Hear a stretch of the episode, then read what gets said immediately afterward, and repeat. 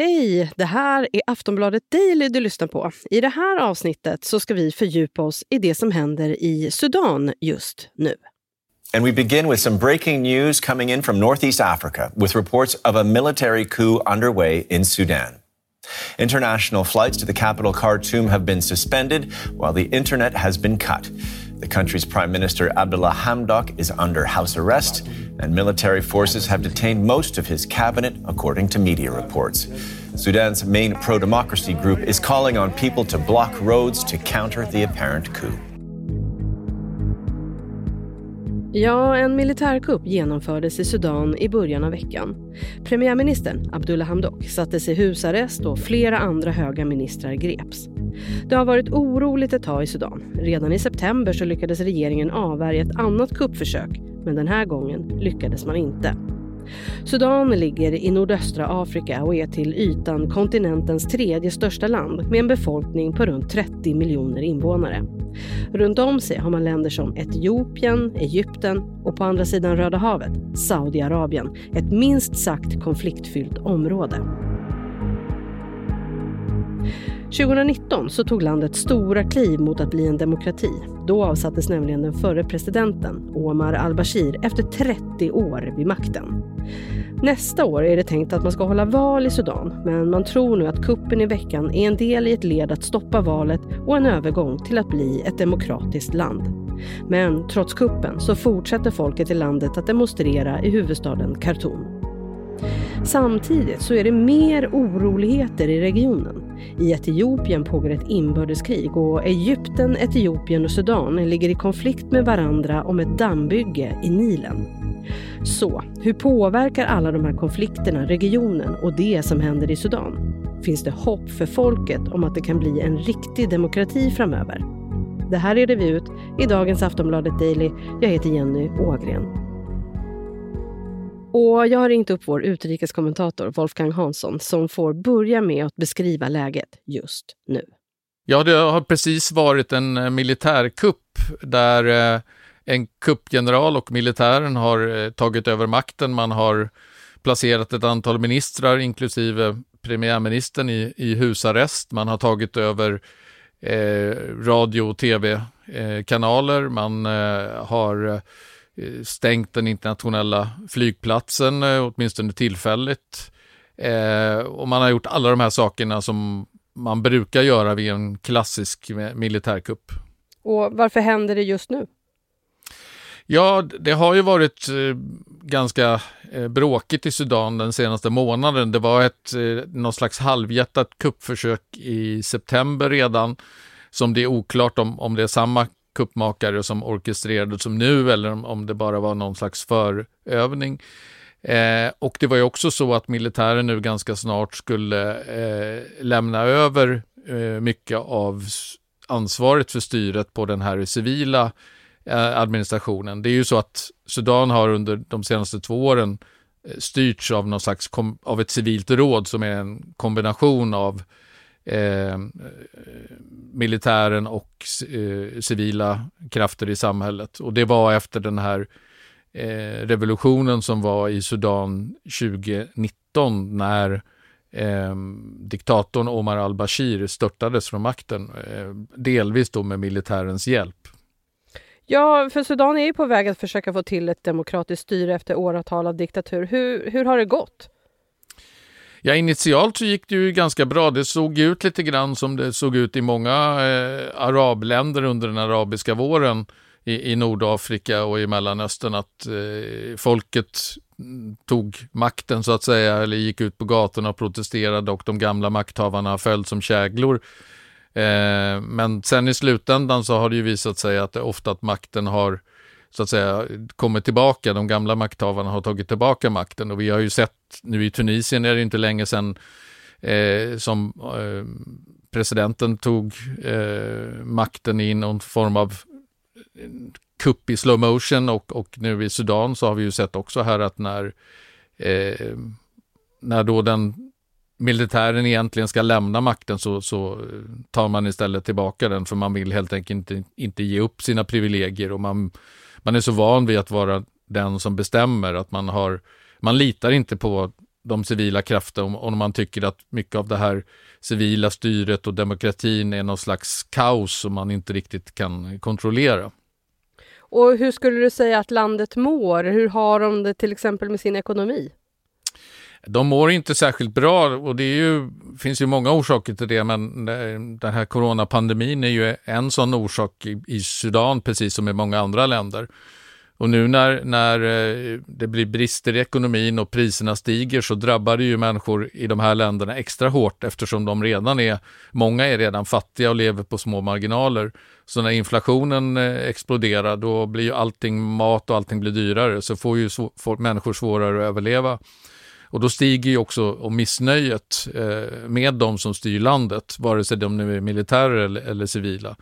Eh, och det gör ju då att det är säkert en bidragande orsak till att militären nu har, har bestämt sig för att, det, att de anser att de är bättre skickade att ta hand om landet och styra in det på rätt väg.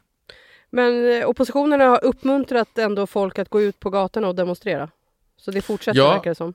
Ja, det fortsätter. Det har varit demonstrationer varje dag eh, direkt efter kuppen och sen har det fortsatt eh, och de här demonstrationerna har ju mötts med ganska ordentligt våld ifrån militären. Åtminstone under de första dagarna så sköt man skarpt emot demonstranterna. Eh, och det är ett antal människor som har dödats och skadats i de här demonstrationerna.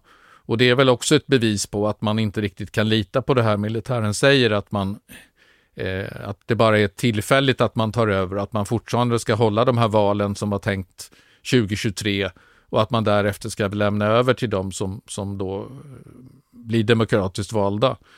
Utan många tror väl att eh, istället så är det här ett sätt för militären att även långsiktigt hålla sig kvar vid makten. Och vad kan man säga om omvärldens reaktioner? På kuppen? Ja, de har ju varit ganska hårda. Eh, det var ju så här att eh, bara dagen innan kuppen, alltså samma morgon som, som kuppen genomfördes, så lämnade USAs särskilda sändebud för Sudan eh, Khartoum, huvudstaden. Och han hade då träffat eh, kuppmakaren och andra i, ledande personer i, i, i Sudan och försäkrat om att allting var lugnt och eh, on track, liksom att inget konstigt skulle hända. Så att eh, USA blev ju otroligt upprörda eh, när den här kuppen eh, inträffade och, och frös direkt sitt bistånd och många andra länder eh, uttalade ju också eh, förfäran över kuppen och, och eh, hotade med repressalier i, ifall eh, kuppmakarna inte lämnar tillbaka makten omedelbart till, till det här eh, övergångsrådet som, som enligt den tidigare uppgörelsen ska styra landet. Eh, och så, även Sverige har sagt att biståndet till Sudan kommer att påverkas om, om inte militären eh, eh, så att säga lämnar, lämnar tillbaka makten. Sen är det så här, Sudan ligger i norra Afrika i en region som har flertalet konflikter och oroligheter just nu. Vad innebär den här kuppen i Sudan för resten av regionen? Ja, det innebär ju en ökad instabilitet. Eh, vi har ju sett hur exempelvis Etiopien, som ju var ett eh, för några år sedan var ett, också ett positivt exempel där demokratin återvände och där man hade en president som skapade fred mot, med Eritrea, grannlandet Eritrea som har varit i krig med väldigt länge. Eh, nu har ju den presidenten, eh, Abiy Ahmed, eh, själv startat krig mot Tigray-provinsen i Etiopien och, och eh, fått jättemycket kritik för det naturligtvis. Man vill att han ska fråntas fredspriset och så vidare. Eh, vi har ju konflikter eh, mellan de här länderna. Eh, framförallt när det gäller vattenförsörjningen. vattenförsörjning. Nilen går ju igenom både Egypten, eh, Sudan och, och in i Etiopien. Eh, och Etiopien vill bygga en damm som skulle innebära att både Sudan och Egypten får eh, mycket mindre vatten. Och det här är ju sån, den här typen av konflikter som nu kommer att bara förvärras när klimatförändringarna förvärras. Och det är ju många som säger att det här är ju eh, det här är ju sånt som, som det kan bli krig om på riktigt, så att säga, om, om de inte kan lösa de här eh, problemen. När vi pratar om Etiopien och det inbördeskriget som pågår där, finns det risk att Sudan blir indragen i det? Kanske inte inbördeskriget som sådant, men det är klart att det är ju alltid risk om det blir ett inbördeskrig för flyktingströmmar och att det då så att säga spiller över i Sudan. Eh, och Sudan har ju en egen problematik med en, ett vi har ju ett nytt land som heter Sydsudan som, som är ganska eh, färskt och där var det tidigare ett in, inbördeskrig mellan Sydsudan och Sudan. Eh, så att det, det, de här, den här regionen är ju otroligt konfliktfylld och det har ju eh, varje gång det kommer några sådana positiva signaler så brukar det inte ta lång tid förrän eh, det här raseras och, och eh, istället så, så tar våld och eh, diktatur över igen. Liksom. Så att det, eh, det finns ingen, ingen bra prognos för demokrati och, och mänskliga rättigheter i den här delen av världen. Nej, det var precis det jag skulle fråga dig, för det är många som länge har hoppats på ett nytt Afrika, modernare, mindre konfliktfyllt, med färre vapen och med fler demokratier. Finns det något hopp om det framöver?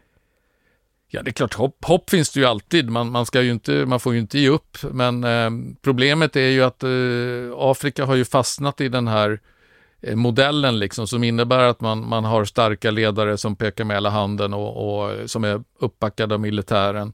Eh, och så länge man, man har den modellen och inte låter eh, demokratiska valda ledare sköta eh, landet så, eh, så faller man ju tillbaka eh, i det här med när ekonomin inte funkar och det, man, man får kanske mindre ekonomiskt bistånd, man blir paria i omvärlden och så vidare. Eh, vi hade ju exempelvis i Sudan så hade vi ju diktatorn Omar al-Bashir. Han var ju då åtalad inför internationella brottmålsdomstolen i Haag för folkmord. Och när han då störtades i den här kuppen för två år sedan så var det ju eh, tal om att eh, han skulle överlämnas till Haag och det pågick sådana förhandlingar. Eh, och det kan ju också ha varit ett, ett skäl till att han, hans gamla anhängare så att säga ville eh, bli av med det här civila styret för att förhindra att eh, Bashir skulle utlämnas till Haag. Och det, det är ju så här hela tiden, liksom, att det är eh, väldigt små framsteg följs väldigt ofta av eh, rejäla bakslag. Mm. Men Wolfgang, hur kommer det sig att det är en så konfliktfylld region? Ja, man, man kan ju naturligtvis skylla på de gamla kolonialmakterna och säga att de ritade upp Eh, kartorna här och drog raka streck bara utan att bry sig om eh, folkslag och et etnicitet och eh, gamla konflikter och så vidare. Och det, det är ju ett skäl naturligtvis. Eh, ett annat skäl är ju att de nya makthavarna som har kommit fram, att de i väldigt stor utsträckning mer ser till eh, sin egen personliga vinning än, än till landets bästa. Man, man eh, man använder makten till att plundra länderna och, och, bygga upp egna förmögenheter istället för att bygga upp landet och, och det slutar ju sällan lyckligt. Så vad tror du kommer hända i Sudan den närmaste tiden? Ja, det är väl stor risk att de här demonstrationerna kommer att fortsätta och då blir det ju väldigt intressant att se hur militären kommer att agera om man kommer att fortsätta använda, eh, skjuta skarpt mot demonstranterna. Eller om man kommer att försöka välja en lite mildare väg för att försöka eh, Eh, få tillbaka biståndet från de internationella givarna eftersom eh, man är ju väldigt beroende av internationellt bistånd på många sätt, även i Sudan, eh, för landets ekonomi. Så att eh, det, en del tecken tyder på att det är den medelvägen man kommer att försöka välja. Man, det, man har bland annat sagt att man har då eh, låtit premiärministern återvända till sitt hem eh, även om han så att säga inte är eh, fri att ta tillbaka sitt, sitt jobb så sitter han inte längre i husarrest enligt vad regimen själva uppger. Tack för idag Wolfgang. Tack så du ha.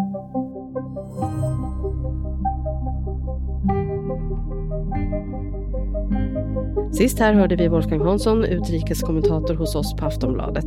Jag heter Jenny Ågren och du har lyssnat på Aftonbladet Daily. Vi kommer ut med nya avsnitt varje vardag, så följ oss gärna i din poddspelare så missar du inga avsnitt. Vi hörs snart igen. Hej då! Du har lyssnat på en podcast från Aftonbladet. Ansvarig utgivare är Lena K Samuelsson.